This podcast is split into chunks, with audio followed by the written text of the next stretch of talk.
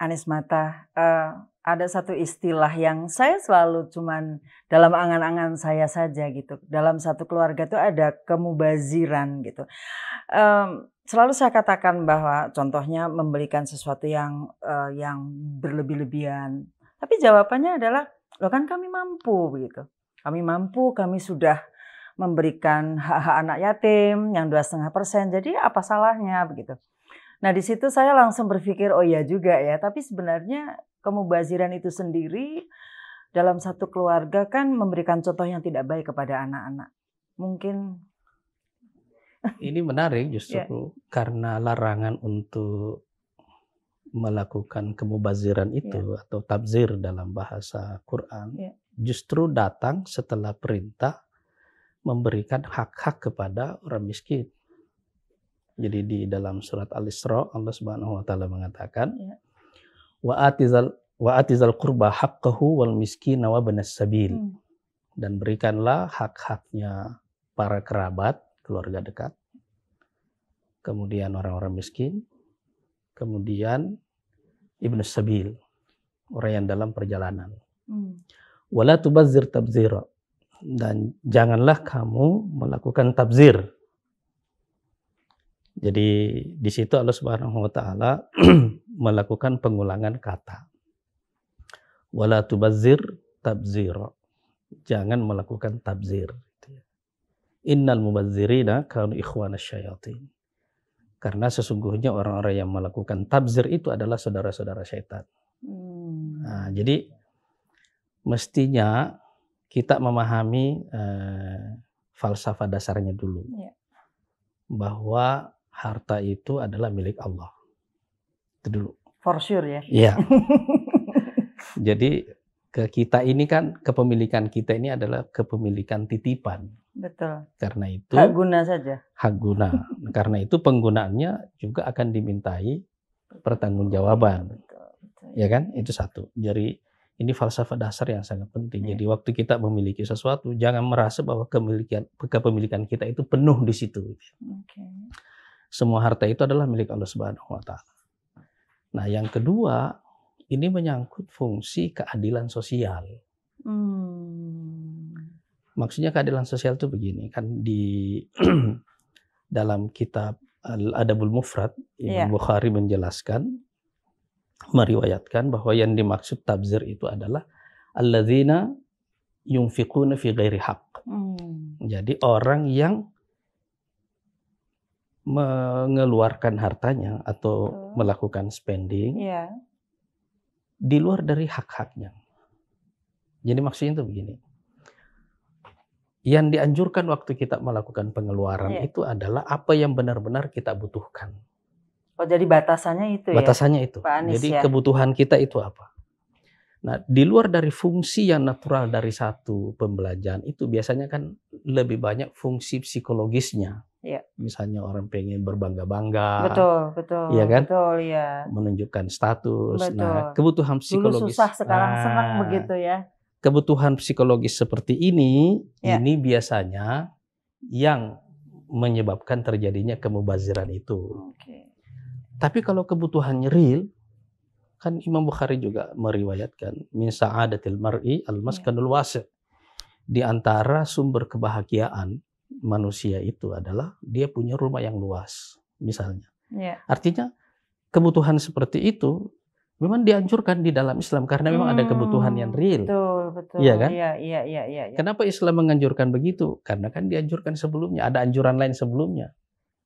Tanaka hutakasaru menikahlah dan perbanyaklah keturunan. Hmm. Iya kan? Betul. Kan ada anjuran. Kalau Jadi anjuran ini rumahnya lebar gitu. Otomatis, ya kan? Itu ya, satu. Ya, ya. Tapi di sini ada masalah keadilan sosial karena karena harta ini adalah sumber daya, kita nggak boleh membuang-buangnya. Misalnya ya. kita minum ya. ya. Berapa banyak orang di dunia ini yang tidak bisa mendapatkan sumber air minum yang sehat, yang bersih. Iya kan? Iya. Nah, perasaan bahwa begitu iya, ya. Sisa makanan kita misalnya, boleh jadi itu cukup untuk orang-orang miskin yang ada di iya, tempat lain. Iya kan? Jadi kalau kita mengkonsumsi secukupnya, insya Allah kita akan terhindar dari kemubaziran ini. Nah, hmm. cuma ada masalah begini Mbak Rati. Iya.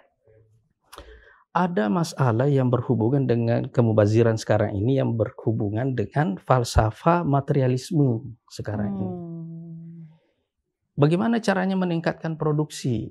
Iya, betul. Konsumsi harus ditingkatkan. Iya, ya gitu kan? ya rasanya. Bagaimana caranya betul, orang terus mengkonsumsi? Betul, betul, orang betul. harus terus-menerus diprovokasi untuk mengkonsumsi. Untuk membeli, betul. Iya kan? Iya.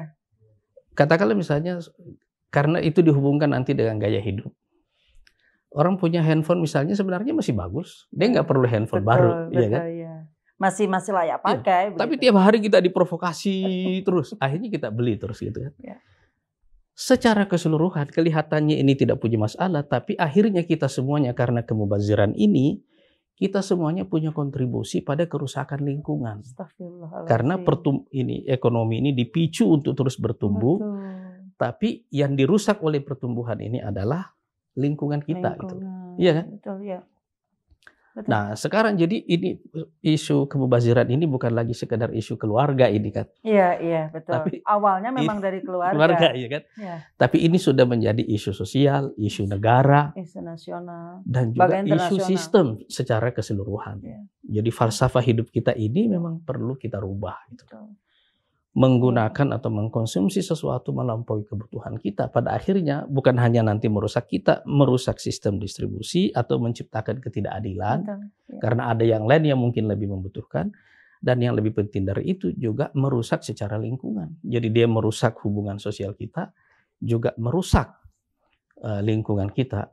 Makanya Allah Subhanahu wa taala mengatakan innal mubazzirina kanu ikhwana syayatin Sesungguhnya orang-orang yang mubazir itu adalah saudara-saudara setan. Ya Allah.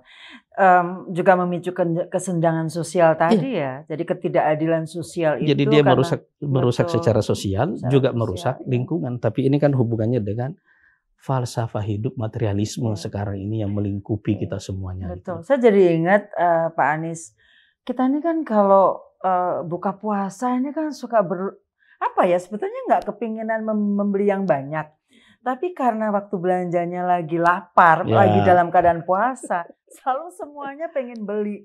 Oh ternyata putu mayang enak. Habis itu loh kok ini enak, kok ini enak gitu. Nah akhirnya yang padahal yang dimakan satu putu mayang saja dengan kolak gitu ya, ya. itu udah cukup begitu.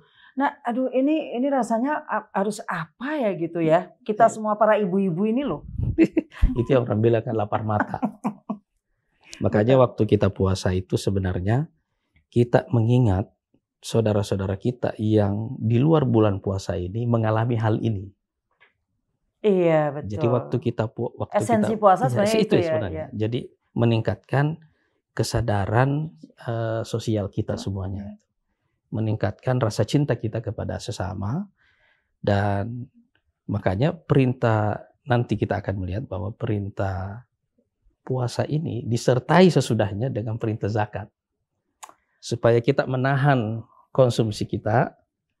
Jadi bersandingan. Bersandingan. Gitu? Oh. Setelah itu kita memberi dan di situ kita akan melihat bahwa apa yang kita sebut dengan kebutuhan kadang-kadang bukan kebutuhan. Lebih banyak hal-hal lain, ya. Lebih banyak iya, hal-hal iya, lain. Iya, dan ini yang seharusnya kita sadari karena sekali lagi berhubungan dengan falsafah dasar kehidupan Betul. kita. Sikap mubazir ini merusak secara sosial dan juga merusak lingkungan. Iya. Jadi memang kita semuanya ya, saya sendiri sih termasuk ya, bahwa uh, basicnya harus betul-betul uh, mengambil yes. atau membeli dengan sesuai yang memang betul-betul betul-betul kita butuhkan. Tidak uh, berlebihan tentu saja.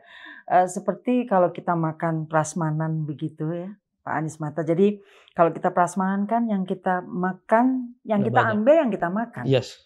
Kalau lebih saja itu sudah secara etika internasional maupun nasional itu tidak baik. Nah, makanya kalau makan kan dianjurkan supaya jangan sampai ada sisa. Betul, ya. Kalau minum jangan ada sisa, kalau makan jangan ada sisa, karena ya. itu pemborosan. Betul, betul. Nah, pemborosan seperti ini nanti secara keseluruhannya merusak secara sosial dan juga merusak betul, lingkungan. Seperti tadi ya. Iya, rasanya sih sudah uh, sungguh saya sudah merasa bahwa memang tidak tidak apa ya, memang harus semuanya menyadari begitu. Saya akan bicara kepada anak-anak saya untuk ini. terima kasih Pak Anismata, iya. alhamdulillah terima kasih.